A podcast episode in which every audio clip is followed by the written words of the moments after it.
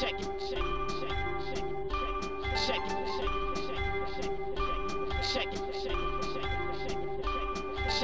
Zapraszamy na dziesiąty już odcinek Codrive.pl, w którym pomówimy o Lewisie Hamiltonie, który manifestuje podczas wyścigu Formuły 1. Czy sport powinien angażować się w sprawy polityczne? Zajmiemy się także szeroko rozumianymi finansami Formuły 1, które dotyczą nowych zespołów, ale także tych aktualnych. Max Verstappen bardzo pewien swoich umiejętności. Czy naprawdę nikt nie jest w stanie prześcignąć Holendra w Red Bullu? Pomówimy także o wirtualnej rzeczywistości, czyli o tym, jak wiele dają kierowcom symulatory. Na koniec specjalnie dla Codrive.pl Robert Kubica prosto z Nürburgringu.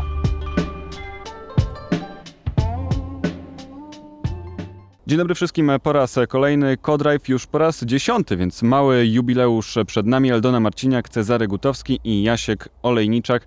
Po gorącym wyścigu drugim już włoskim się spotykamy. Dużo ciekawych rzeczy wyścigowych na różnych torach, ale także rajdowych przed nami. Zacznijmy może od najbardziej gorącej afery, które nawet polskie media podchwyciły, czyli że co do ubioru Louisa Hamiltona miał na sobie koszulkę Arrest the Cops Who Killed Breonna Taylor. FIA przyjrzy się tej sprawie, bo jak wiadomo, e, regulamin mówi, że kierowcy nie mogą mieszać się głośno do polityki.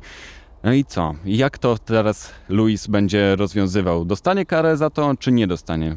Chyba powinien. Nie dostanie, Luis nie dostaje kar, ale w ogóle to dziwię się, że dopiero teraz się zajmuje tym e, FIA, dlatego że koszulka Black Lives Matters, tak? Czy Lives?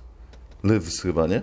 E, e, nie, bo pisze Lives, a nie Lives. No nieważne. E, Jak czytał, tak czytał. Wszyscy wiedzą o co chodzi. E, To już jest przecież jakiś e, postulat polityczny, co jest zabronione jakby sportowym regulaminem. I pamiętam, było Grand Prix Turcji, to było chyba pierwsze Grand Prix Turcji, kiedy Turcja zapłaciła e, solidną karę za to, że e, też był jakiś manif- manifest polityczny, ktoś zaangażowany politycznie na podium, ale to nie, był nie tylko, nie tylko w Turcji. Teraz sobie nie przypomnę w tym momencie, ale zdarzały się w historii Formuły 1 takie podia, że ktoś tam wchodził e, na pudło. Jeszcze chyba w Walencji e, czy w Barcelonie chodziło tam o kwestie e, te wewnętrzne, tak? Czyli Katalonia, nie Katalonia, te wszystkie te, takich podziałów e, wewnętrznych w Hiszpanii i też była afera, że ktoś wszedł na podium. Chyba w Walencji to było. E, I to było ewidentny taki manifest polityczny. E, I za to też została kara wyznaczona, tak więc e, no to jest e, de facto zabronione regulaminowo i nie- niedopuszczalne, ale przecież z drugiej strony Formuła 1 wmieszała się w politykę właśnie na wniosek Louisa Hamiltona w pierwszej kolejności, więc moim zdaniem teraz nie powinni go karać, bo jakby on tylko kontynuuje to, na co mu zezwolili. No właśnie, jeżeli e, Mercedes zmienia malowanie samochodów na czarne, jeżeli widzimy e, całą akcję We Race as One, e, czyli między innymi tęczowe akcenty na bolidach, jeżeli e, jest cała, cała fundacja i cały fundusz e, przeznaczony na to, żeby promować e, różnorodność w ramach, w ramach Formuły, Formuły 1, no to faktycznie to byłaby pewna niekonsekwencja, chociaż ja też mam takie poczucie, że Lewis Hamilton tutaj być może posuwa się troszeczkę za daleko, już wcześniej nawołując do równości, jako jedyny wychodzi w innej koszulce niż cała reszta zawodników. Teraz poszedł jeszcze o krok e, dalej. Sprawa dotyczy oczywiście e, czarnoskórej e, dziewczyny, która zginęła w marcu, podczas gdy mm, policjanci wtargnęli do, do jej mieszkania i chłopak zaczął się bronić legalnie posiadaną bronią, bo, bo nie wiedział, że to jest policja. No innymi słowy, sprawa jest w tej chwili bardzo, bardzo gorąca w USA. Lewis Hamilton broni się, że on tak naprawdę nie robi niczego nowego, że on cały czas walczy o to samo, że to nie jest zmiana, jeśli chodzi o ten e, apel na koszulce, bo to jest cały czas ta sama sprawa, on cały czas e, walczy w tej samej sprawie i mówi, że od bardzo dawna chciał, e, chciał założyć tę koszulkę i to zamanifestować.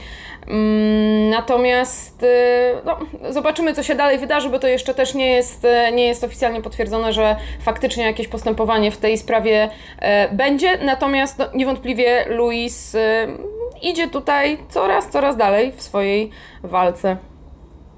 Słuchajcie, A jest pójdźmy... to, sorry, że wchodzę w zdanie, ale jest to bardzo szkodliwe generalnie dla całej Formuły 1 i jest powód, dla którego jest ta zasada, żeby się nie angażować politycznie a, w tego typu kwestie i od lat, e, a teraz no tutaj to jest de facto ingerencja w jakieś takie wewnętrzne sprawy Stanów Zjednoczonych, mówiąc w skrócie, co tu dużo mówić, prawda? Bo to jest, no jest to kwestia stricte polityczna, więc w momencie, kiedy e, kierowca Formuły 1 i do tego jeszcze o takim formacie, bo innego to by pewnie ukarali od razu, to jestem przekonany.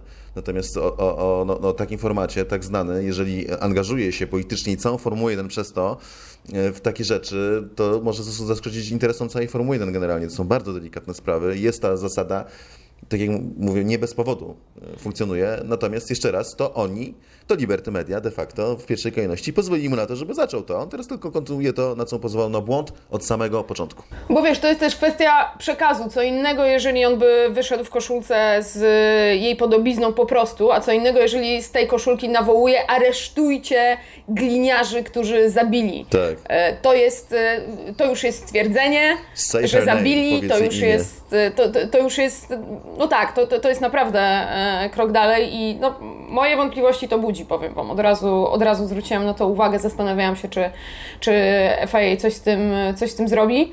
Nie za bardzo w to wierzę, ale zobaczymy.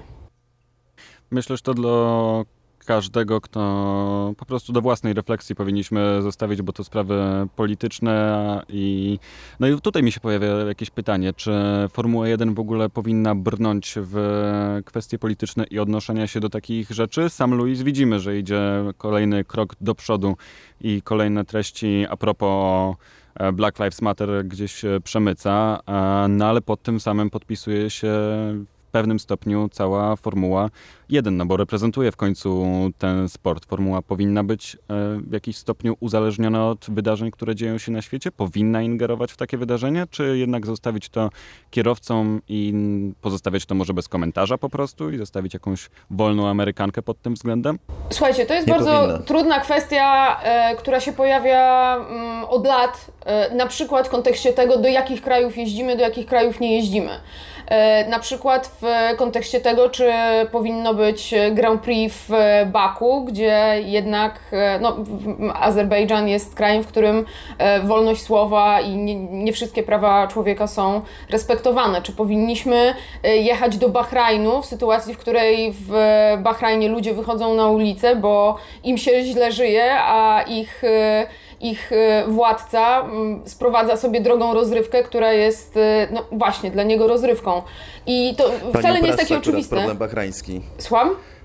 Pani upraszcza akurat problem To pan zaraz rozwinie, na natomiast, y, natomiast, natomiast zaraz o tym powiesz. Natomiast y, chcę powiedzieć, że oczywiście to jest taka y, droga, którą um, nie oglądania się na te sprawy, którą rozpoczął Bernie Ecclestone, bo oglądał się na pieniądze, a bardzo często właśnie te kraje, w których wyścig mógłby być kontrowersyjny, to są właśnie te kraje, które są gotowe zapłacić za niego najwięcej pieniędzy. Natomiast jeżeli e, ktoś myśli, że, że, że Formuła 1 to przyjmuje tak środowisko Formuły jeden to przyjmuje tak e, zupełnie lekko, no to też e, nie do końca tak jest. My mamy na przykład e, kolegę z Portugalii, który dla zasady od lat nie jeździ e, na wyścig do Bahrajnu, nie jeździ na wyścig e, do Baku na przykład.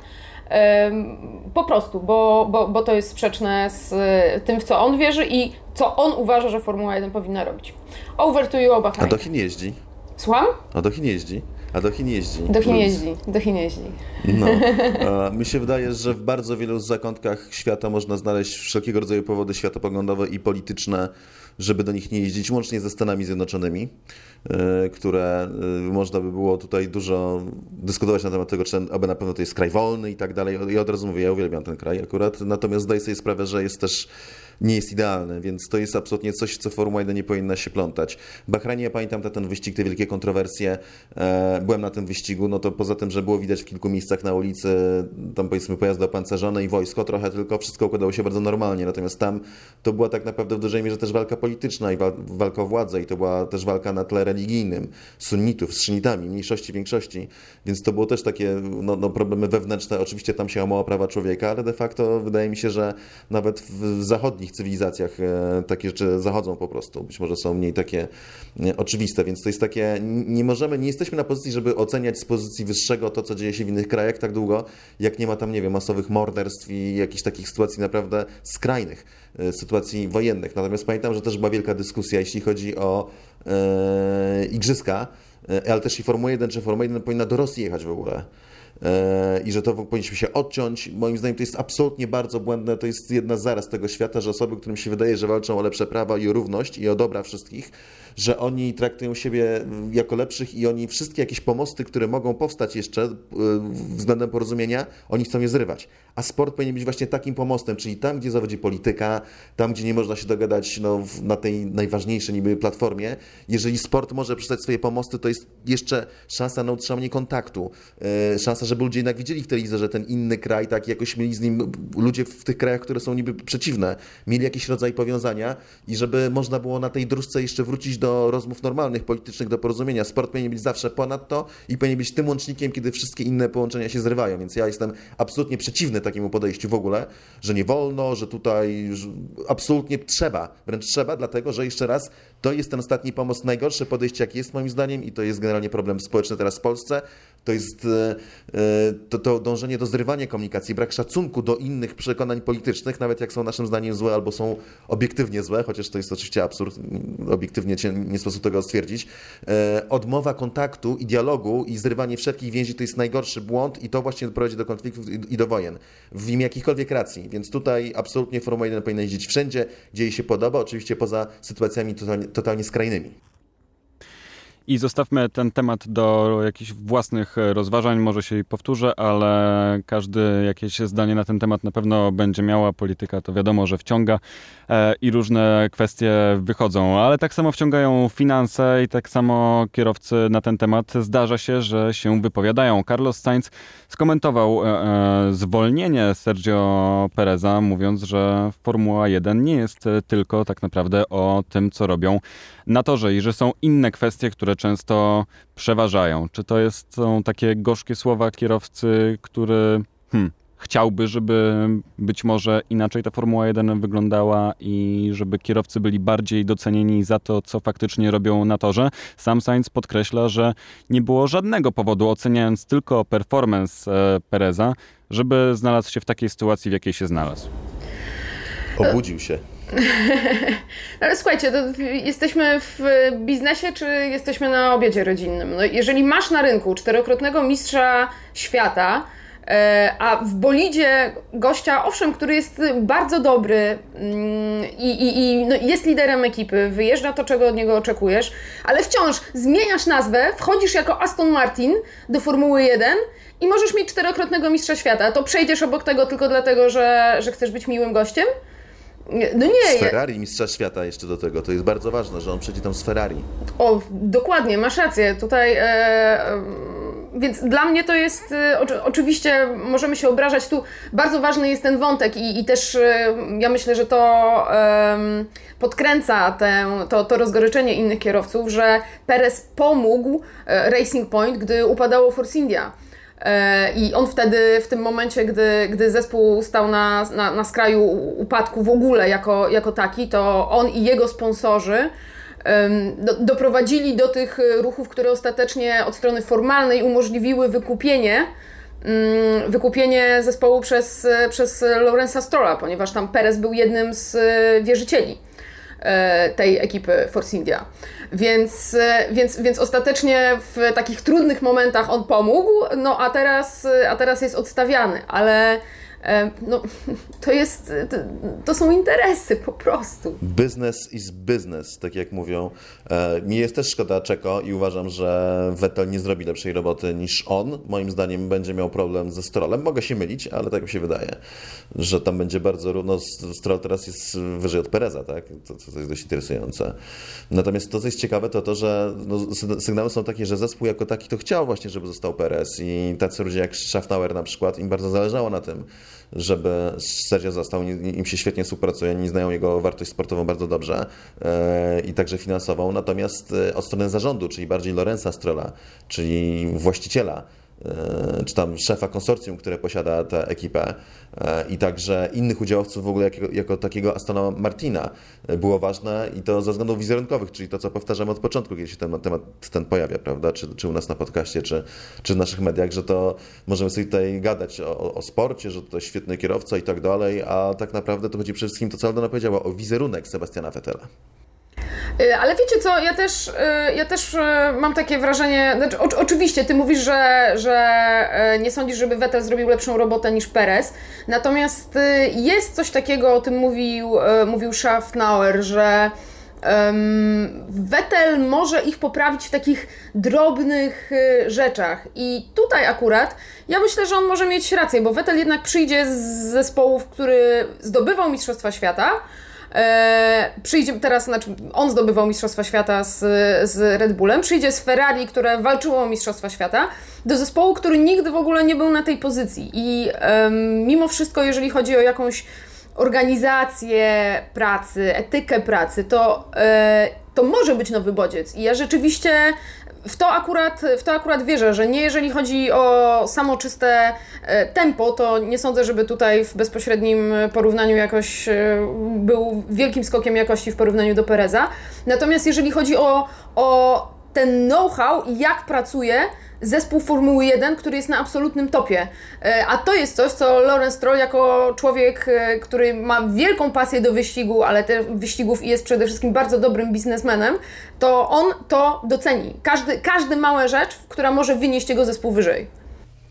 Super, e, że to poruszyłaś, Aldona. Pełna zgoda, masz rację, to żeśmy trochę przepuścili. Tak więc dziękuję bardzo. E, dlatego, że Sep jeszcze słynie z tej jego takiej właśnie etyki pracy i z tego, jaki, jakim jest pracocholikiem generalnie, z jego dbałości o detale, z metodyki tej pracy. Jest naprawdę pod tym względem fenomenalny, a to mi tylko przypomina te czasy, kiedy e, Sep jeździł, kiedy był tym trzecim kierowcą, dajmy na to rezerwowym. E, tak naprawdę był czwartym, tylko potem wyszło, że jest trzeci. Formalnie trzecim był wtedy Timo Glock, który teraz jeździ w DTM-ie, ale nagle jak trzeba było Roberta Y, zastąpić w Stanach, to się okazało, że jednak to Vettel jest tym trzecim.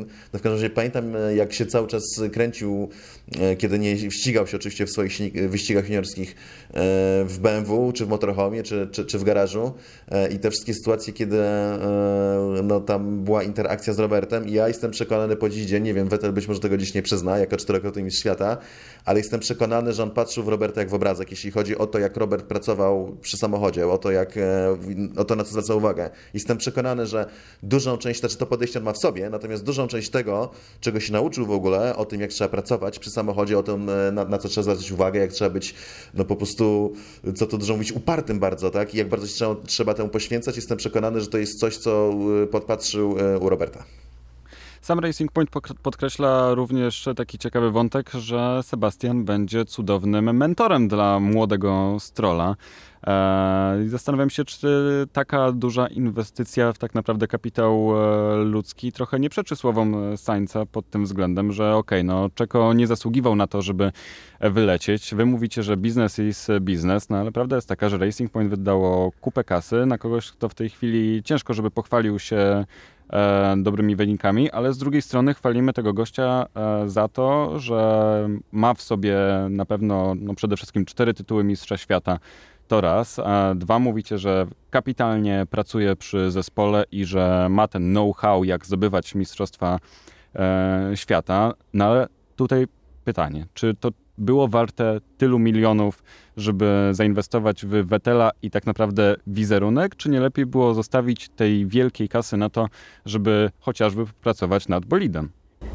Ja mam odpowiedź, ja mam odpowiedź. tak aż do bólu. Lepiej, lepiej, lepiej zainwestować e, w Fetela i wizerunek jego, tak jak e, robi to Aston Martin, niż zainwestować w Fetela i jego E, walkę o Mistrzostwa Świata, jak zrobiło to Ferrari. No tak, tak, tak. A jeszcze wracając, żeby zakończyć ten element do Sańca, to też jeszcze raz tak jak zacząłem, tak zakończę, że wow, nie? Że co za odkrycie w ogóle. I to się teraz dopiero wydarzyło, tak? Przecież tak jest zawsze, tak było. To, tutaj nie ma nic nowego w tym. Nie wiem, dlaczego Sainz e, nagle... Znaczy wiem dlaczego, bo się lubią po prostu z Czeko, co jest bardzo fajne, sympatyczne i go bardzo szanuję. Natomiast e, myślę, że w, form, w historii Formuły 1 było bardzo wiele przykładów e, podobnych. E, tu nie tylko w Formule 1, w ogóle w sporcie samochodowym. Gdyby w sporcie samochodowym chodziło tylko i wyłącznie o to, żeby mieć w swoich, samochodach już od, od najniższych kategorii kierowców, tych, którzy są najszybsi i najzdolniejsi, to mielibyśmy, przypuszczam, 3 czwarte innej stawki w Formule 1, minimum 3, 3 czwarte. E, to są interesy, to są kwestie wizerunkowe, znajomości, też często szczę, szczęścia czystego, tak więc to, to nie jest takie proste, że tutaj o, mamy... W innych sportach przypuszczam, że bywa podobnie, chociaż, bo w innych sportach nie ma sprzętu tak dużo, prawda? Ten element sprzętu nie jest aż tak ważny, aż tak kluczowy. Natomiast w wyścigach wybitnie, od, od, od dziecięcych lat, tak więc no, jeżeli ktoś sobie myśli, że do Formuły 1 dochodzą tylko i wyłącznie wszystkie najzdolniejsze dzieciaki, co się w kartingu pojawiły, to, to nie, to musi się jeszcze raz nad tym zastanowić. Słuchajcie, zostańmy przy kasie, e, ale trochę innej, która będzie dzielona na wszystkie zespoły Formuły 1, mianowicie 200 milionów dolarów wpisowego, żeby zespół w ogóle mógł zacząć się ścigać w Formule 1. Zdaniem Toto Wolfa e, i Steinera to są dobre decyzje i to jest Dla wręcz... nich tak. Więc wręcz należność, która powinna być płacona zespołom i że to jest oczywiste przecież, że to kupuje się wartość, kupuje się mienie i że innym zespołom należy się to, żeby móc stanąć w jednym szeregu razem z nimi, że no to przecież nie może być za darmo, że tak po prostu ktoś przyjdzie i powie, że chce się ścigać w formule. Racja czy nie racja? Kupuje Mafia się status!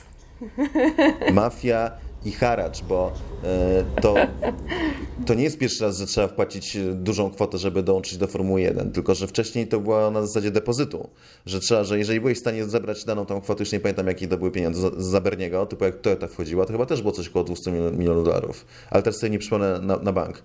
To mając ten depozyt pokazywałeś, że jesteś poważnym graczem, że nie jest tak, że w garażu gdzieś tam skleisz z dwóch kawałków dykty coś, co będzie przypominało bolid Formuły 1 i to wiesz, pojedzie albo nie pojedzie, a potem jeszcze będziesz miał udział w zyskach. E, I oni to tak tłumaczą, że generalnie chodzi o to tak formalnie, że e, żeby zespół, który przyjdzie, to żeby nie było tak, że on już się podłącza, potem wypracowany schemat podziału zysków, e, a potem będzie przycinał sobie zyski z tego jeszcze, a będzie działał na pół gwizdka, żeby po prostu na tym zarabiać. Ale to jest demagogia, to jest bzdura. Oni chcą haracz, oni chcą, że... Bo o co chodzi? Te 200 milionów dolarów ma nie, ma nie trafić na żaden depozyt, czy nie wiem, na cele charytatywne. One, to ma być rozdzielone równo między 10 aktualnych ekip Formuły 1. Każdej ekipie trzeba trzeba zapłacić haracz 20 milionów dolarów, żeby wejść do Formuły 1. Co to jest w ogóle za blok? Jaki to jest, plus to jest dla nich obranych y, zespołów. Jak będą chcieli sprzedać team, to zamiast y, tak martwić się o to, to każdym, każdemu chętnemu, żeby wejść do Formuły 1, bardziej się będzie opłacało kupić ich zespół na ich warunkach. Więc to jest absolutnie mafijne zagranie zespołów, które wypracowały sobie to, wywalczyły, negocjując porozumienie z Liberty Media, żeby, żeby po prostu, żeby ten haracz powołać. E, no ewidentnie, nie? To jest po prostu absolutnie główny powód, a drugi to jest taki, że też e, trochę się boją, chcą straszyć ekipy, żeby przychodziły do Formuły 1, bo teraz ich zdaniem będzie łatwiej niż wcześniej z tego względu, że będzie limit budżetowy, więc to będzie o wiele łatwiej będzie no, nowej ekipie, nawet teoretycznie ze, słabszymi e, papierami złożyć taki zestaw, który będzie im groził. Dla mnie haracz mafia, jeszcze raz mówię to po raz enty, nie wiem jak on na to odbiera. Mnie szalenie ubawiły te stwierdzenia, że no jeżeli ktoś chce wejść do Formuły 1, to przecież ma te pieniądze i przecież jest tak poważnym graczem, że taka, taka kasa to dla niego nic takiego. I przecież Formuła 1 to jest takie fantastyczne miejsce, jeżeli zrobić to dobrze, to traktujesz to jako inwestycję, moi drodzy, wejście w, Formule, w Formułę 1 i możesz na tym zarobić, więc ja sobie notuję te wypowiedzi i przypomnę sobie i będę je wypominać za każdym razem, kiedy, kiedy jakiś zespół będzie straszył odejściem albo no, trochę na to poczekam, no bo już Concord jest, no ale E, no ale mimo wszystko, przecież Formuła 1 to jest doskonała inwestycja, na której można zarobić. Kochani, zapamiętajcie to sobie. E, także no, nie, no, trochę, trochę, trochę to, e, trochę to śmiesznie się tam panowie, znaczy ja rozumiem, rozumiem ich podejście, natomiast mogliby trochę popracować nad argumentacją, bo tej to się nie da, nie da kupić absolutnie.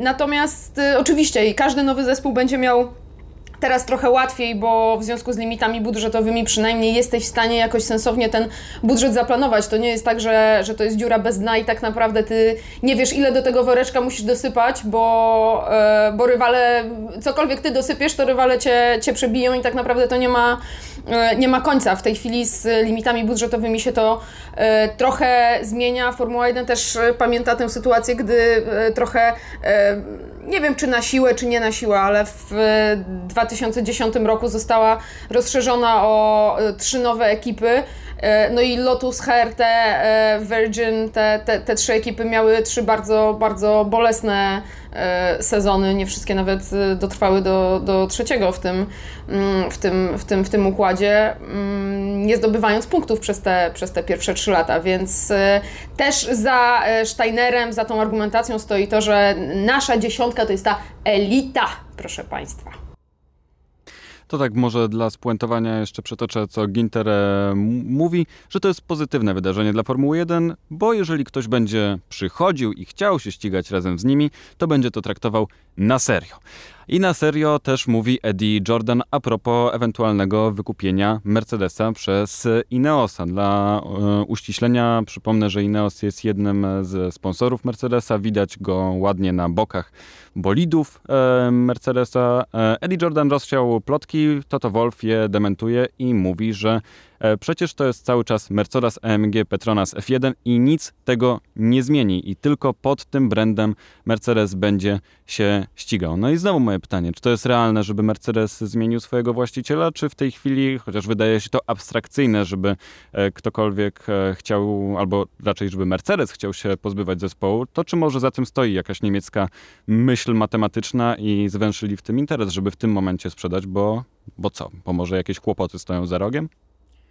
Ten interes to 700 y, milionów funtów, tak y, twierdzi Eddie Jordan w każdym razie. W, w tej chwili Ineos ma pięcioletnią umowę z Mercedesem na 100 milionów y, funtów. Rzeczywiście jest tak, że no, Mercedes oczywiście podpisał Concord Agreement i, i, i zostaje w, w Formule 1, no ale kto będzie właścicielem teamu to już jest zupełnie zupełnie inna sprawa. Dzieją się tam rzeczy za kulisami e, w tej chwili w całym, w całym koncernie. E, nie wiadomo, jaka będzie przyszłość Toto Wolfa, który zapewnia nas, że zostanie, ale w jakiej roli to nie wiadomo, więc e, jakby co to jakiś honorowy ambasador, prezes, wiecie, takie funkcje też są.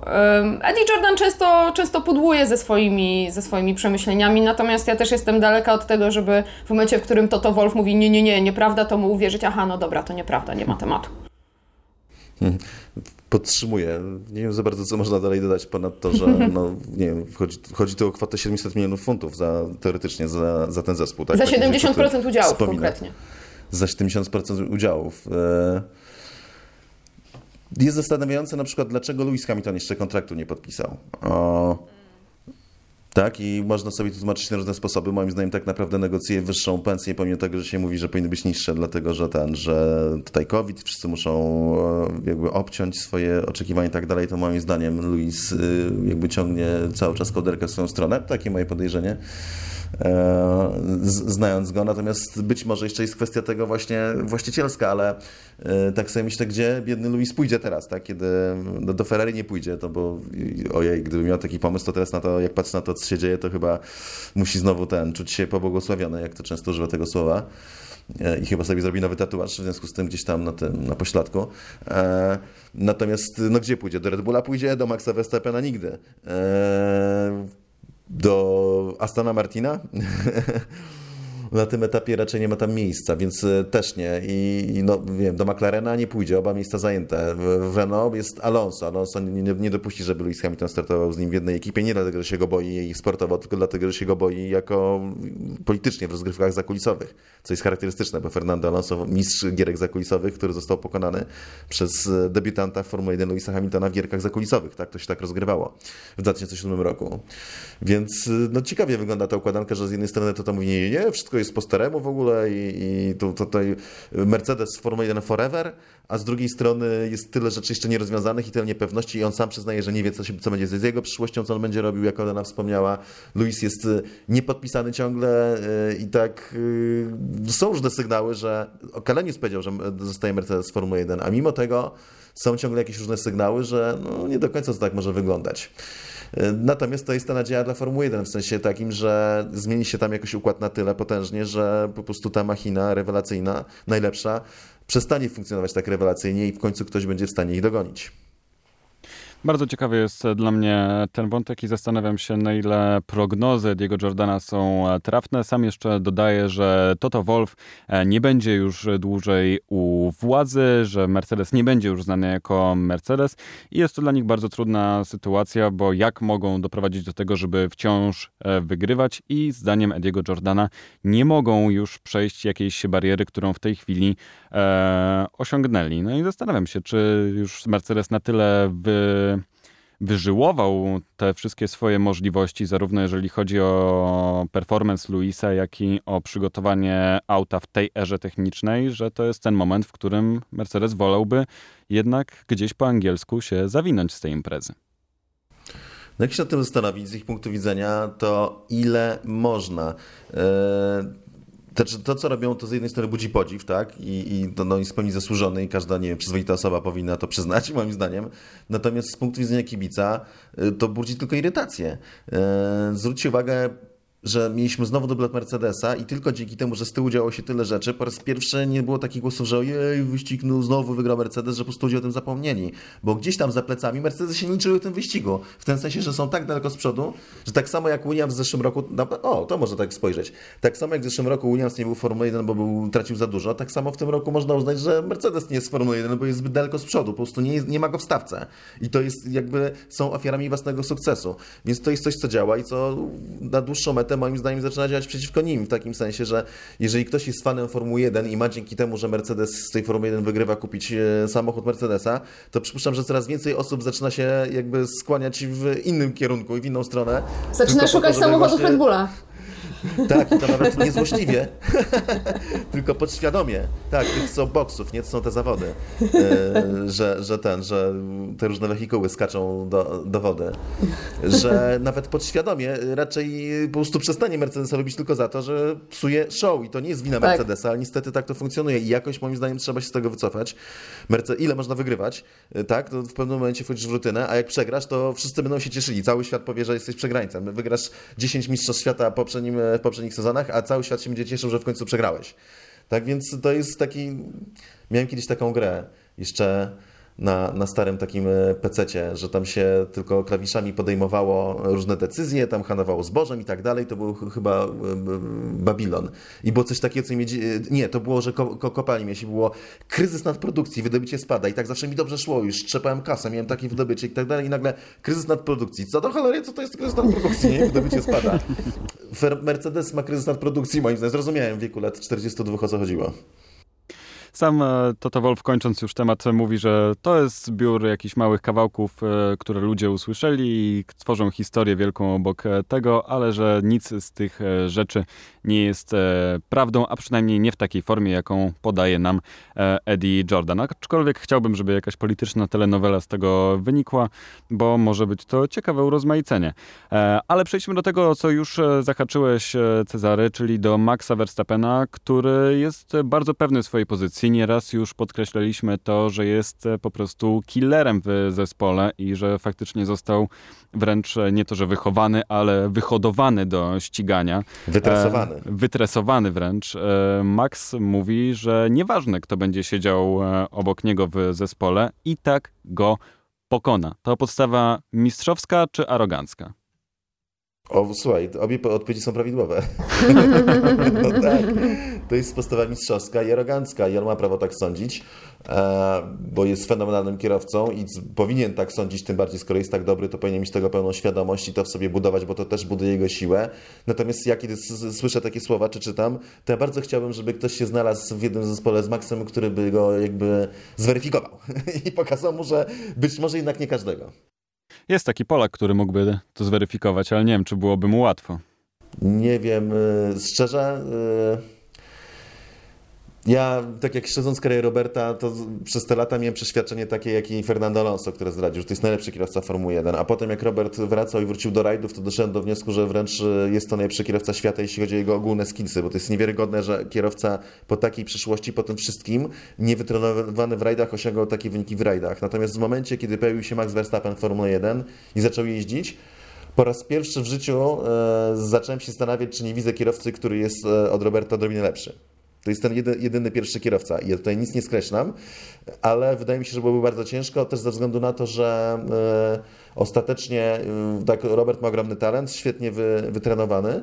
E, natomiast miał 8 lat przerwy i to po prostu w momencie, kiedy walczysz ostatnie dziesiąte czy setne części sekundy, a czasami tysięczne, to to zawsze działa przeciwko tobie ta przerwa, zawsze będzie działała, a musisz być, mieć komplet, żeby walczyć z takim kierowcą jak Max, więc tutaj zapewne czegoś takiego nie zobaczymy więcej, ale przypuszczam, że jednak e, e, jeśli chodzi o tempo, przynajmniej kwalifikacyjne, Robert by musiał ustąpić Maxowi, natomiast e, w wyścigach, jeśli chodzi o racecraft, moim zdaniem Robert cały czas jest kierowcą topowym na świecie.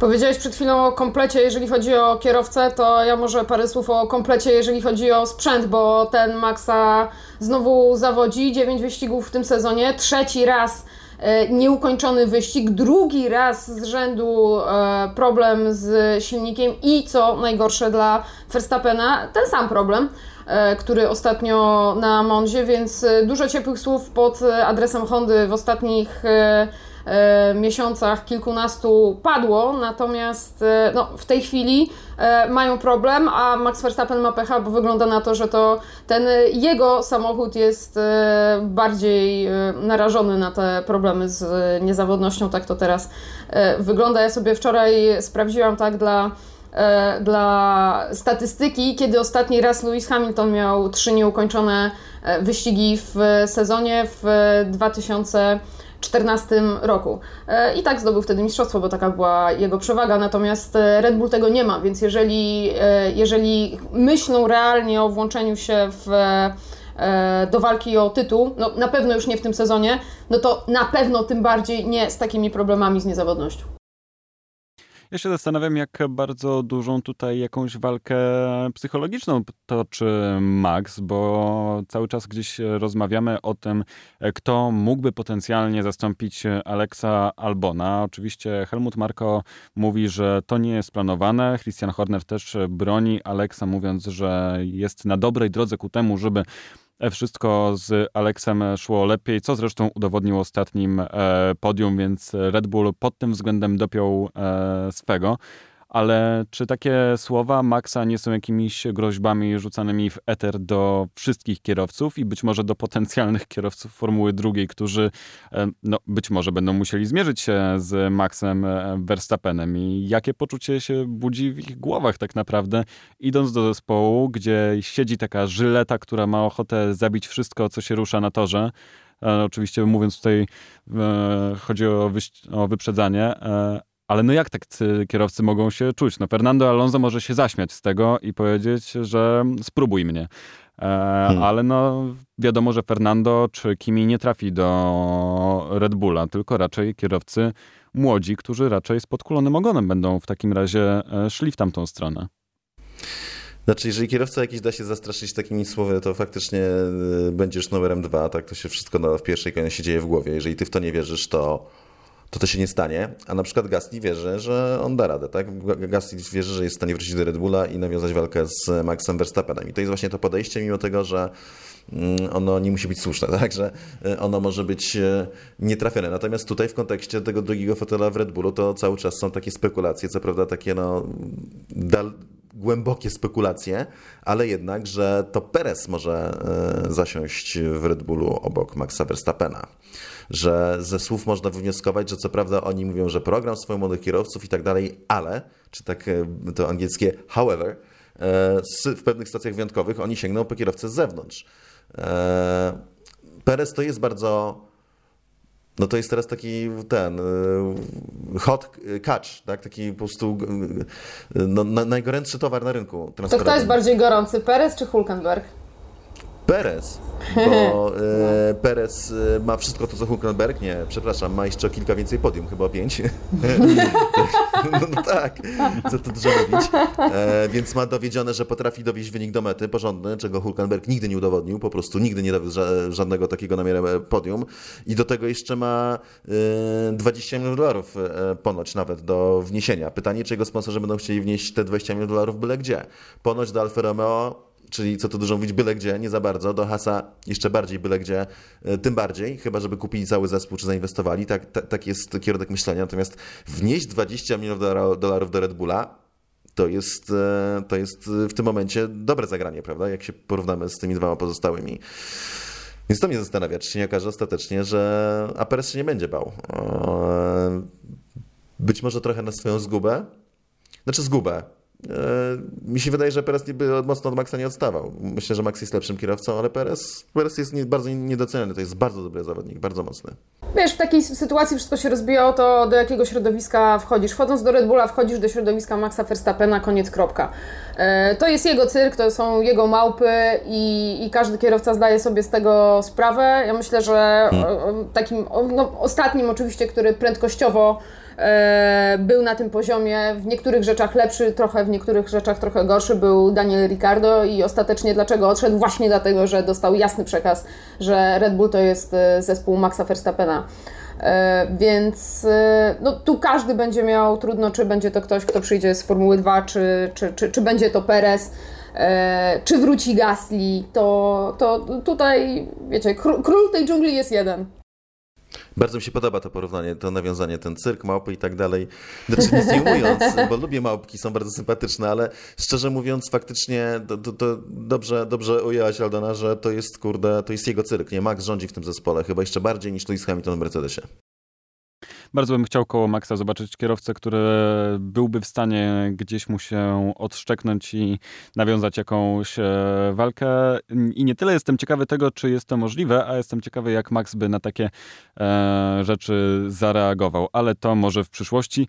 Może Alex nas kiedyś zaskoczy. To e, zobaczymy. Hmm. Wróciłbym do Louisa Hamiltona, który opowiedział trochę o przygotowaniach do ścigania na Mugello. Mówił o symulatorze, który jego zdaniem nie dał mu wcale zbyt dużo e, przed tym e, wyścigiem e, i że oczywiście szanuje wszystkich kierowców, którzy się przygotowują na swój sposób. On sam musiał znaleźć limity na tym torze, że w wielu miejscach czuł, że może jeszcze być szybszy, że na początku weekendu Walteri był od niego szybszy i że wiedział, że musi nad tym popracować, ale zastanawiam się, na ile to są szczere słowa i czy to nie jest znowu hasło pod tytułem to był bardzo trudny weekend i naprawdę bardzo wiele pracy w to włożyłem.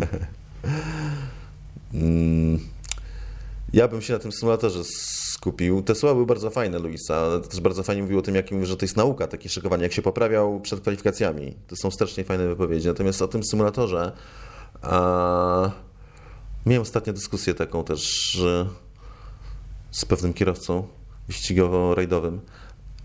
I ja bardzo szanuję yy, tych ludzi, którzy tak katują yy, różnego rodzaju simy, są w tym bardzo dobrze, bo to jest sztuka sama w sobie, to jest bardzo trudne i to jest naprawdę, wymaga bardzo dużo poświęcenia, zaangażowania, dużo czasu, to jest dla niejednej osoby prawdziwa praca i to dobra praca. Yy, I to jest to absolutnie no, fenomenalna rywalizacja, ale Y, ja od, od, od zawsze jakby sprzeciwiałem się tym trendom i takiemu y, strasznie naiwnemu spojrzeniu, że jak ktoś sobie tak świetnie radzi wirtualnie, to jak wsiądzie do samochodu, to będzie taki sam albo niewiele gorszy. To jest absolutna bzdura. To świat realny i świat nierealny to są dwa różne światy. I to trzeba zawsze podkreślać, bo znaczy to i tak nic nie zwojujemy, bo i tak kolejne pokolenia będą bardziej wchodzić wirtualnie, dostrzegając tego, moim zdaniem. Natomiast to są dwie różne rzeczy. I co innego, jak y, tniesz sobie na iRacingu po Nürburgringu, i robisz te wszystkie cięcia i skoki i tak dalej i robisz to idealnie, robisz super czas, a co innego jak siedzisz w tym samochodzie i czujesz te wszystkie przeciążenia, słyszysz to realnie jak ta podłoga na pieprze, za przeproszeniem, wybaczcie przekleństwo, o, o podłogę, czujesz te podbicia, czujesz te y, y, niedociążenia i ty widzisz ten zakręt, że się zbliża, a wy jeszcze jesteście w powietrzu. Co prawda miałem to na miejscu pasażera, a nie na miejscu kierowcy, natomiast e, to jest zupełnie co innego. E, I zupełnie jest też co innego, że jak w wyścigu kierowca prawdziwy wyścigowy wie, że jak mu nie wyda, to wie, jakie są konsekwencje, bo nieraz przywalił w tę barierę nieraz jego życie wisiało na włosku. A kierowca symulatora, on tylko wie, że może sobie zrobić restart. I to, ja, bo już prowadziłem dużo dyskusji, no nie, nie, nie, to wcale tak nie jest, że ten restart to przecież ten, że to trzeba jeździć tak, żeby nie restartować. To nieważne. Ważne, że masz ten tryb w głowie, jak idziesz sobie w wirtualu, że jak coś zaryzykujesz, to siedzisz sobie spokojnie w fotelu i zrobisz restart. Tak stracisz, nie wiem, punkty i wyścigu, ale nic się nie stanie. I to jest zupełnie, zupełnie co innego brać ten sam zakręt y, w wirtualu, kiedy masz ten komfort y, i nie masz świadomości, jak to jest popełnić błąd w realu, a co innego, jak idziesz realnie i popełnisz tam błąd i wylądujesz na tej barierze. To są dwie różne rzeczy. Dlatego absolutnie ja tutaj no, tak, to są dwie różne dziedziny po prostu. One dotyczą te, tego samego, kręcenia kółkiem, refleksu, ale wirtualne wyścigi i wyścigi realne to są naprawdę bardzo różne od siebie dziedziny. Ale wiesz, to nawet, nawet kierowcy młodzi z tego młodego pokolenia, którzy bardzo są w, wkręceni w jazdę na symulatorach, nawet Lando Norris, który nieraz przyznawał, że jazda na symulatorze bardzo dużo mu dała i chętnie w czasach e, covidowych e, wracał do, do tego. Mówił o tym, gdy już kończyły się te wirtualne, wirtualne wyścigi, że on okej, okay, fajnie, pojeździł, cieszy się, natomiast to, to nie jest to samo, tego się nie da porównać. On musi wrócić do bolidu i poczuć przeciążenia to jest to, o czym mówiłeś. A propos już e, przygotowywania się do, do nowych wyścigów, zobaczcie, jakie szczególne znaczenie e, to słowo przeciążenia ma na to, że takim jak Mugello. Przecież po prostu obejrzeć sobie to kółko z e, przeciążeniami e, na żywo cały czas, które tam są, to jest, to jest niewiarygodne i jeszcze powtórz to kilkadziesiąt razy, więc to jest naprawdę e, coś, e, do czego się nie przygotujesz e, na kanapie i tutaj akurat e, zgadzam się z Luisem i, i, rozumiem to jego podejście, że musisz odczuć na tyłku, na tyłku, na szyi, na wszystkim to, co się dzieje z tym samochodem, dlatego e, fajnie, że mamy, że mamy nowe tory, fajnie, że było Mugello, które też zebrało, myślę, bardzo dobre recenzje. E, no, ja mam nadzieję, że ten wyścig wróci. I że generalnie, zobaczcie, że to jest taki przykład, że gdy Formuła 1 musi myśleć e, niestandardowo, gdy trzeba zrobić coś innego, to wychodzą z tego dobre rzeczy. Myślę, że powrót Turcji będzie, będzie fajną rzeczą, że właśnie e, Mugello e, było fajne. i Mola to są, to są e, dobre obrazki i, i, i fajne spektakle, myślę, z tego wyjdą. Tutaj widzę, Aldona przeszła tego, odsłonia do dżdżownicy, wypowiedzi. E, a tak, bo strąba, dżdżownica. Tak, tak, tak, bo, bo proszę a Państwa, bo słoń zaczyna się od trąby, a, a, a trąba to wygląda jak taka duża dżdżownica, a dżdżownica to więc Cezary tak, teraz wraca do słonia. I udowodnione. Tak, wróćmy do słonia z tymi przeciążeniami. To, to jest też rzecz kluczowa, dlatego że my nie jesteśmy sobie w stanie, my, którzy też mieliśmy, mieliśmy kodrive'y, tak, i trochę jeździliśmy tym czołowym, nie jesteśmy sobie w stanie wyobrazić, jakie to są przeciążenia. W sensie, że my to widzimy i to podziwiamy, że wow, 3G, 4G, 5G, w hamowaniu prawie 6G. Natomiast to jest niewyobrażalne, e, więc jedyne, co sobie można jakoś wyobrazić, to e, jak hamujemy naszym normalnym cywilnym samochodem, a ludzie mają, tak, jak jeżdżą pierwszy taki próg do przekroczenia, to jest ponoć przed hamowaniem, że nie potrafią zahamować ostro, bo się boją, bo jest tak, taka reakcja ostra, to jak jedziemy naprawdę dobrym samochodem, naprawdę dobrym samochodem, no to może 80 G osiągniemy przy tym hamowaniu, może. Jak jedziemy super sportowym samochodem, typu, nie wiem, Porsche GT3, dajmy na to, czy jakieś Ferrari, czy inne, i to mocno sportowe, to może jeden, może jeden dwa uda się osiągnąć podczas hamowania. Jakieś takie już kapowe typu Porsche Super Cup, czyli po prostu kapowa GT3, może 1.8, może gdzieś tam do dwóch się dotelepie. Natomiast zwróćcie uwagę, wychodzimy od punktu widzenia, jadę swoim cywilnym samochodem, wciskam gaz do, e, przepraszam, e, hamulec do oporu e, i wydaje mi się, że jest ostre hamowanie, że szarpie, a w bojdzie formularnym przy hamowaniu jest 6 do 7 razy bardziej. I to jeszcze rośnie wykładniczo, nie? W sensie, że to odczucie, im wyższe przeciążenie, tym bardziej się to przeżywa. I to jest jedno hamowanie pośród, dajmy na to, 5 lub 10 na jednym okrążeniu. I to jest tylko hamowanie, bo mamy jeszcze rzucanie na, na boki, czy samo przeciążenie z przyspieszania, które jest szokujące. Więc y, no o czym tutaj mówimy, tak? Że tutaj sobie jestem mistrzem świata w F1 2020, wsiadam do samochodu i de facto nie jestem w stanie prawidłowo zahamować, dlatego że czy rozgrzać opon, y, to co jest też wielkim problemem dla, dla kierowcy normalnego, sama taka jazda tak szybko, żeby opony się rozgrzały, czy rozgrzać hamulców, dlatego że muszę wdepnąć hamulec 120 kg, y, żeby on zadziałał w ogóle i żeby się zagrzał. I jest jeszcze jedna rzecz bardzo ważna, której to my też nie rozumiemy, że gro tego przeciążenia przy hamowaniu, największe przeciążenie przy hamowaniu to jest jak oni jadą szybko, czyli jak jedziemy 350 na godzinę, czy tam 330 i kierowca wali 120 kg w pedał hamulca, żeby rozgrzać karbon i żeby on zaczął działać od razu, błyskawicznie, to największe przeciążenie ma wtedy, bo wtedy jest największy docisk, więc y, koła są w stanie, przyczepność kół jest w stanie, y, jest tak duża, że jest w stanie wy, wyegzekwować to hamowanie. Im bardziej zwalnia, tym musi trochę bardziej odpuszczać hamulec, a to trwa błyskawicznie przecież wszystko, żeby koła się nie zblokowały, bo brakuje docisku. W normalnym samochodzie, jak hamujemy, tak, z do, do, podłogi, no to y, kiedy jedziemy 250 na godzinę, to hamowanie jest potencjalnie najsłabsze, tak? Naj, naj, najszybciej się zbija prędkość, jak jedziemy wolno i wtedy jest to największe przeciążenie, więc to jest też totalne odwrócenie. I teraz jak ktoś mi puszcza teksty, że nie, nie, nie, że tam wirtual to jest prawie to co real, to po prostu ogarnianie śmiech pusty. Ale śmieszne jest to, że kierowcy na tych dobrych symulatorach, chociażby na e, iRacing, bo niektóre modele tam są naprawdę genialnie zrobione, że muszą e, gdzieś przekładać e, tą jazdę z rzeczywistości na, na wirtualne, kiedy oni muszą się przyzwyczaić w drugą stronę, że nie ma tych przeciążeń, bo dla nas to jest może trochę bardziej naturalne się przyzwyczaić do tego, że musimy pracować tym hamulcem odpuszczając go chociażby przy dojeździe do zakrętu, przy hamowaniu z dużej prędkości, ale dla nich to przecież musi być wręcz nienaturalne, że ta noga im tak lekko odskakuje, bo że żadna siła na nich e, nie działa. Ale wywołaliście e, Mugello, e, do którego bym chciał nawiązać, bo kierowcy... Że dżdżownica, tak, i że te dżdżownicy na Mugello są wyjątkowo e, przemiłe i kierowcy bardzo by chcieli do tych dżdżownic e, powrócić. E, oczywiście na poważnie mówiąc, kierowcom podobał się ten wyścig, pomimo tej całej afery, która była związana z, e, z safety carami, z czerwoną flagą e, i zastanawiałem się w niedzielę po wyścigu, co kierowcy będą myśleć o tym, o tym weekendzie. Czy będą raczej pozytywnie nastawieni do tego i będą mega zajarani tym po prostu, że znowu mają do dyspozycji kolejny tor z zakrętami pokroju na Silverstone i że mają z tego mega fan? E, czy w drugą stronę będą mówili, że to jest zbyt niebezpieczne może dla nich i że głowy odpadają? Myślę, że w ten weekend nie poczuli aż tak tego i zresztą sami kierowcy przyznawali, że to, że było tyle zamieszania z bezpieczeństwem, e, z żółtymi flagami, z czerwoną flagą, e, żeby mieli szansę, żeby e, odpocząć.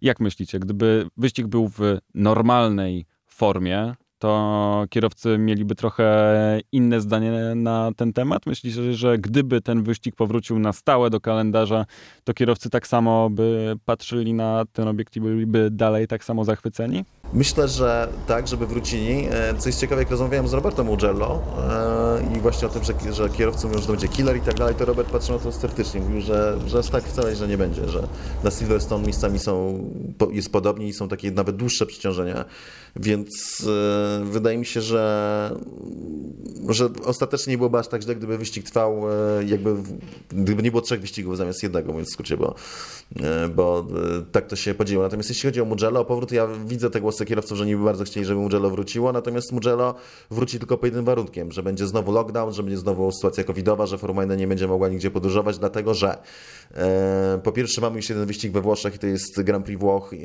i ona ma jakby zapewniony kontrakt e, i to, to jest ten wyścig priorytetowy, natomiast druga rzecz jest taka, że samo Mugello nie będzie na to stać.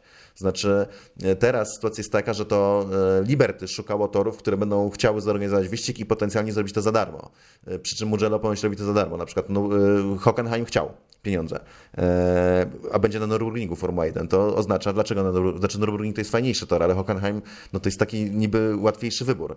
Dlaczego? Dlatego, że Hockenheim chciał kasę, a Nürburgring, z tego co się domyślamy, nie, albo chciał jej mniej. I to samo do, dotyczy Mugello, więc w momencie, kiedy wszystko wróci do normy, czy inaczej, do czegoś, co będzie przypominało dawną normę, bo raczej już takie samo nie będzie, no to wówczas Mugello, żeby być w kalendarzu Formuły 1, musi włożyć grubą kasę i to jest e, przeciętnie 33 miliony dolarów e, płaci każdy promotor, poza Monako i Brazylią jeszcze, żeby móc zorganizować wyścig Formuły 1. Jedni mniej, drudzy więcej, ale to jest średnia, więc Mugello nie stać na to, żeby być drugim wyścigiem we Włoszech, kiedy mamy już jeden i włożyć 30 milionów dołka na to, żeby jeździła tam Formuła 1. To przejdźmy w takim razie do następnych tematów. Trochę przy Włoszech zostaniemy, bo o Kimiego Raikkonena i Alfa Romeo bym chciał was e, podpytać. Kimi, e, gorzko-słodki weekend, e, tak bym to nazwał. Jest zadowolony z bardzo ważnych dla nich dwóch e, punktów, ale uważa, że byli gotowi ze swoim bolidem w ten weekend zaprezentować się dużo lepiej i sam dodaje, że no może ta kara wiele nie zmieniła, ale że w dalszym ciągu e, chciał walczyć o więcej i że dla niego e, wszystkie wydarzenia, które na torze się wydarzyły, nie były wcale pozytywne i że chciał Finn walczyć o więcej. Rozmawialiśmy już trochę przed nagraniem i wysnuwaliście teorię, że Kimi chciałby zostać jednak w Formule 1. Myślicie, że to faktycznie nie jest jeszcze koniec dla Kimiego, że jeszcze Finn ma coś do powiedzenia i chciałby jeszcze poczuć trochę rywalizacji i być może, tak się domyślam, że przeczekać do 22 roku, żeby przynajmniej spróbować rywalizacji w jakimś nowym świetle? Cezary, to była twoja teoria. Znaczy ja mam dwie teorie. Jedna to jest taka, że Kimi się spiął dlatego, że chce dalej jeździć, a druga taka, to, to, że się spiął dlatego, że wie, że to są jego ostatnie wyścigi i chce jeszcze trochę poszaleć. Mm. po prostu zanim odejdzie. Na dwoje babka wróżyła. Eee, czas pokaże. E, no, Wasser powiedział, Fred Wasser, szef Alfa Romeo, że to jest preferowany kierowca oczywiście w składzie, ale moim zdaniem e, tak bardzo jak jest, to jednak e, będzie decydowało w Alfie. Jeden fotel będzie dla Mika Schumachera, a drugi fotel będzie dla tego kierowcy, który wniesie najlepsze połączenie pieniędzy z doświadczeniem i prędkością. Jeżeli będzie chciał przejść taki kierowca, bo wydaje mi się, że ani Perez się tam nie pali, ani na przykład mam tutaj w kontekście też Roberta też, nie wiem, nie mogę, nie decyduję za niego, ale domyślam się, że też nie jest to dla niego jakiś szczyt marzeń, żeby iść do ekipy, która jest w takim stanie, w jakim jest. I to chodzi teraz o kwestie operacyjne. I właśnie, jeśli chodzi o kwestie operacyjne, to trzeba zwrócić uwagę, że w tym wyścigu e, Alfa Romeo i Kimi Räikkönen popełniali błędy, tylko że to był tak wyjątkowy wyścig, że te błędy im uszły na sucho. Znaczy Kimiemu nie, bo stracił przez to minimum dwa punkty, tak, był ósmy na mecie, jeśli dobrze pamiętam, a dostał dwa punkty za dziewiąte miejsce. E, bo e, dostał 5 sekund kary i to był jego błąd, że przeciął linię przejazdu. Kimi mówi, że podejmowali złe decyzje e, taktyczne jeszcze.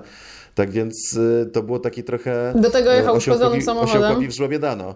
Znaczy nic nie obrażałem Kimiego, który osiołkiem nie jest zupełnie, ale i dodam jeszcze, że bardzo lubię wszystkie osiołki, to inna sprawa. Natomiast e, co do poza ludzkimi może. E, e, natomiast co do zasady, to oni się, im się też mocno pofarciło, tak? No fakt, że była ta neutralizacja kolejna i że ten, i że Russell stracił to dziewiąte miejsce dzięki temu, znaczy też dzięki swojemu startowi, no to wszystko sprawiło, że z jednej strony Kim jechał mega dobry wyścig i Alfa naprawdę pozwalał mu, mu pojechać i pewnie dlatego mówi, że mógł, mógł osiągnąć więcej. Natomiast z drugiej strony mamy cały czas zespół, który popełnia błędy i kierowcę, który też popełni jeden zasadniczy błąd. Natomiast na zakończenie to, co zrobiło na mnie ogromne wrażenie, to to, że przecież Kimi dostał strzała e, potężnego e, od Gastiego, i jeszcze sprzedał strzała e, Maxowi, a mimo tego ten, po pierwsze ten bolid wytrzymał i dojechał do mety i zdobył punkty, a po drugie Kimi tym samochodem, co to dużo mówić, nieźle prób. Za nami także weekend na Nürburgringu, przed nami kolejny na tym e, torze. Robert Kubica, kolejny weekend bym nazwał taki pół dobry, pół niedobry. Z jednej strony bardzo dobre kwalifikacje, z drugiej strony nie super e, wyścigi, chociaż z tym też można by e, polemizować. Sam Robert mówi, tutaj trochę odpowiadając do tego, co Cezary e, mówił na innych swoich mediach, że nie ściga mu się wcale gorzej niż w innych, e, w innych samochodach, czyli w open wheelach i że ściganie to jest ściganie i to jest e, to jest wszystko, co można powiedzieć i że wcale się nie czuje gorzej w DTM-ie. Jak możemy ocenić ostatni weekend Roberta i co tak naprawdę przed Robertem w ten weekend? Czy to, że drugi raz na Nürburgringu się pojawią waszym zdaniem pomoże Robertowi w ogarnięciu sytuacji, albo raczej Artowi pomoże w ogarnięciu sytuacji, bo Robert na pewno czuwa nad tym wszystkim bardzo, bardzo dobrze. Mówisz tak, oczywiście Robert na tyle, na ile może, e, no, stara się ten zespół kontrolować, ale to nie jest jego praca i on nie ma takiego wpływu, jak nam się zdaje, że tutaj przychodzi do garażu i mówi, słuchaj, ty zrób to, ty zrób tamto, ty zrób siamto. Po pierwsze, to nie jest jego praca, bo nie jest kierowcą i naprawdę tak na, naprawdę chciałby po prostu być nim, a nie chodzić i pilnować rzeczy, których nie powinien pilnować. A druga rzecz jest taka, że to nie jest tak, że zespół słucha i wszyscy mówią, tak, tak, tak, robimy i tak dalej, tylko to działa tak, jak i w wielu innych dziedzinach życia i zespołach, że może się zdarzyć tak, że ktoś powie, tak, tak, tak, zrobię, a potem tego nie robi, po prostu. Bo ta organizacja, no, funkcjonuje jak nowy zespół i do tego no, nie funkcjonuje jakoś szczególnie optymalnie, o czym też on sam też Robert opowiadał i to jest wszystko wierzchołek góry, góry lodowej e, no to jest po prostu nowy team, który no, ma wiele takich niedociągnięć, które sprawiają, przekładają się na, na niedociągnięcia sportowe. I tu przechodzimy do tego przełomu, który, który nastąpił, bo przełom nastąpił, e, polegał na tym, że Robert w niedzielę po raz pierwszy w swojej karierze w DTM-ie, dokładnie w połowie sezonu, dostał samochód, który się dobrze prowadził, którym dało się jechać. E, co prawda nie udało się z tego wyciągnąć e, no, no, punktów wyścigu. Najlepsze kwalifikacje w, w DTM-ie, tak, dziewiąte pole, natomiast wyścigu nie. E, było ku temu kilka przyczyn. Jedna z tych przyczyn to była taka, że znowu miał pit stop fatalny i o tym się zresztą wypowiada, dlaczego tak jest.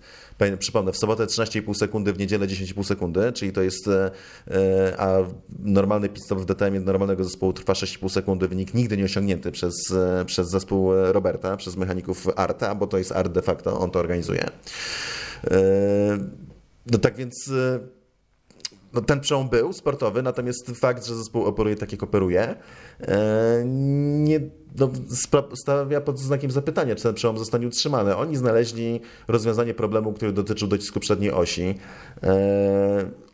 Rozwiązanie było tak banalne, że ja bym to wymyślił, tylko bym w życiu nie pomyślał, że, że zespół tego nie wymyślił. W sensie, że tego nie zrobił. Nie mogę powiedzieć, co dokładnie myślę, że Robert kiedyś o tym opowie, natomiast e, ono było naprawdę takie oczywiste. Jak ktoś się zna, e, operuje mniej więcej w tym, jak funkcjonują samochody tego typu, czyli samochody, dajmy na to, turystyczne, e, jak działa ich aerodynamika, w związku z tym, że to nie są bolidy, to sam jest to w stanie zgadnąć, co, gdzie, gdzie należy szukać problemu.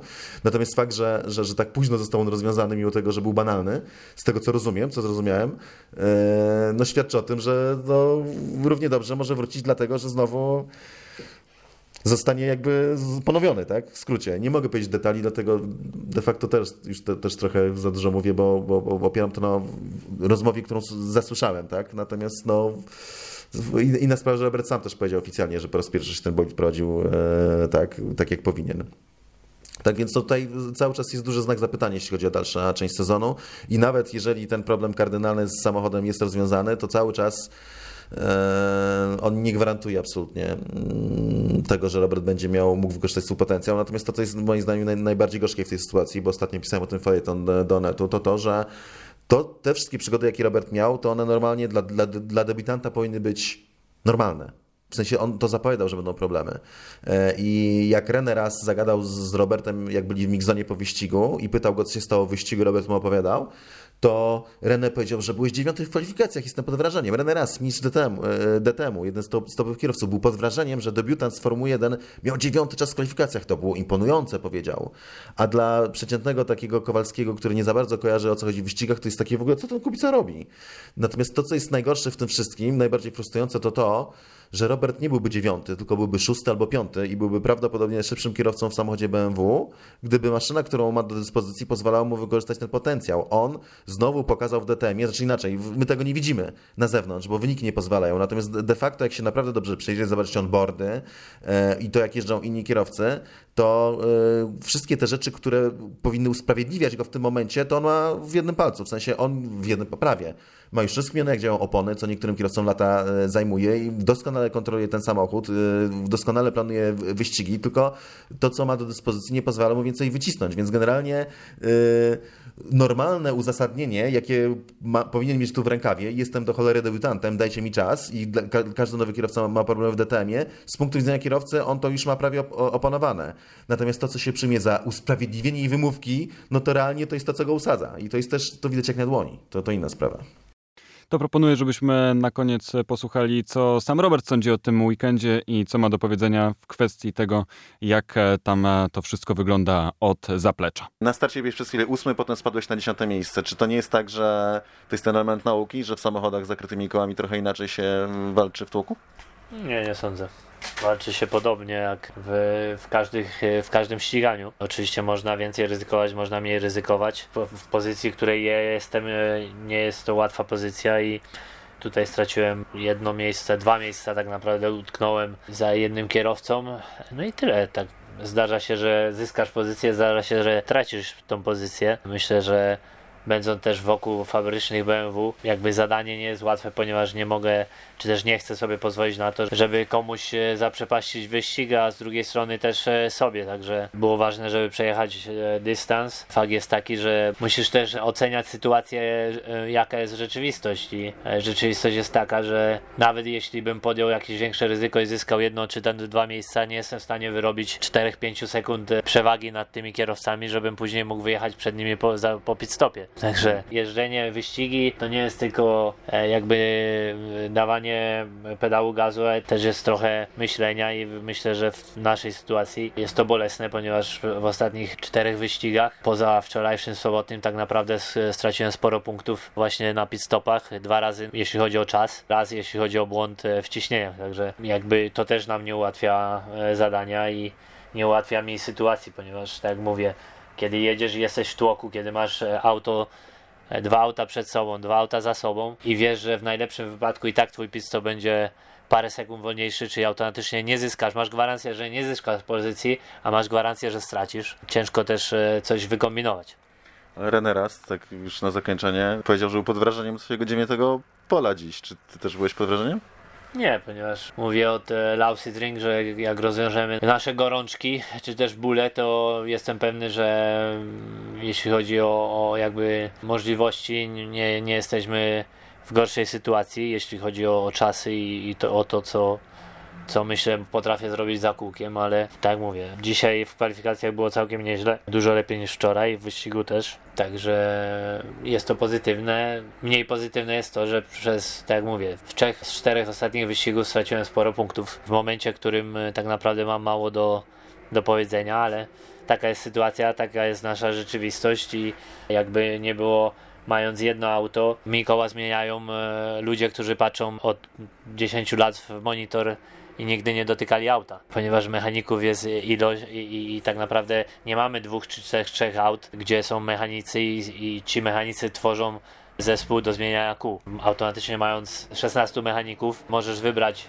sobie ludzi, którzy wy, wymieniają koła, którzy są najlepsi, mając e, ograniczony zespół do jednego auta, prywatny zespół nie masz tego komfortu, dlatego to też e, tak wygląda. Trudno oczekiwać od kogoś, kto nigdy tak naprawdę nie podnosił koła, żeby zmieniał szybciej koła niż ludzie, którzy to robią od 20 lat. I tym akcentem kończymy kolejny odcinek naszego podcastu. Dziękujemy Wam bardzo. Aldona Marciniak, Cezary Gutowski i Jasiek Olejniczak. Do usłyszenia za tydzień.